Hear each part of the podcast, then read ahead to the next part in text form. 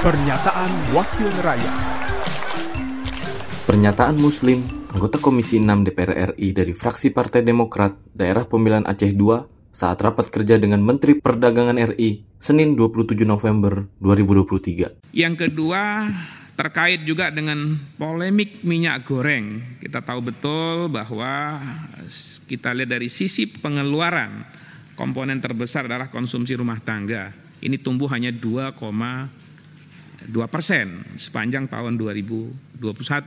Ini tentu kita melihat bahwa ada kondisi rendahnya perbaikan ya daya beli masyarakat. Biarpun kita lihat kondisi ekonomi kita juga hari ini tidak baik-baik aja Pak Menteri. Ini perlu juga ada kebijakan terpadu dari pihak kementerian jadi sehingga daya beli masyarakat ini bisa terus naik, jadi sehingga konsumsi juga bisa didorong semaksimal mungkin. Pernyataan Muslim, anggota Komisi 6 DPR RI dari fraksi Partai Demokrat, Daerah Pemilihan Aceh II, Produksi TV dan Radio Parlemen, Biro Pemberitaan Parlemen, Sekjen DPR RI.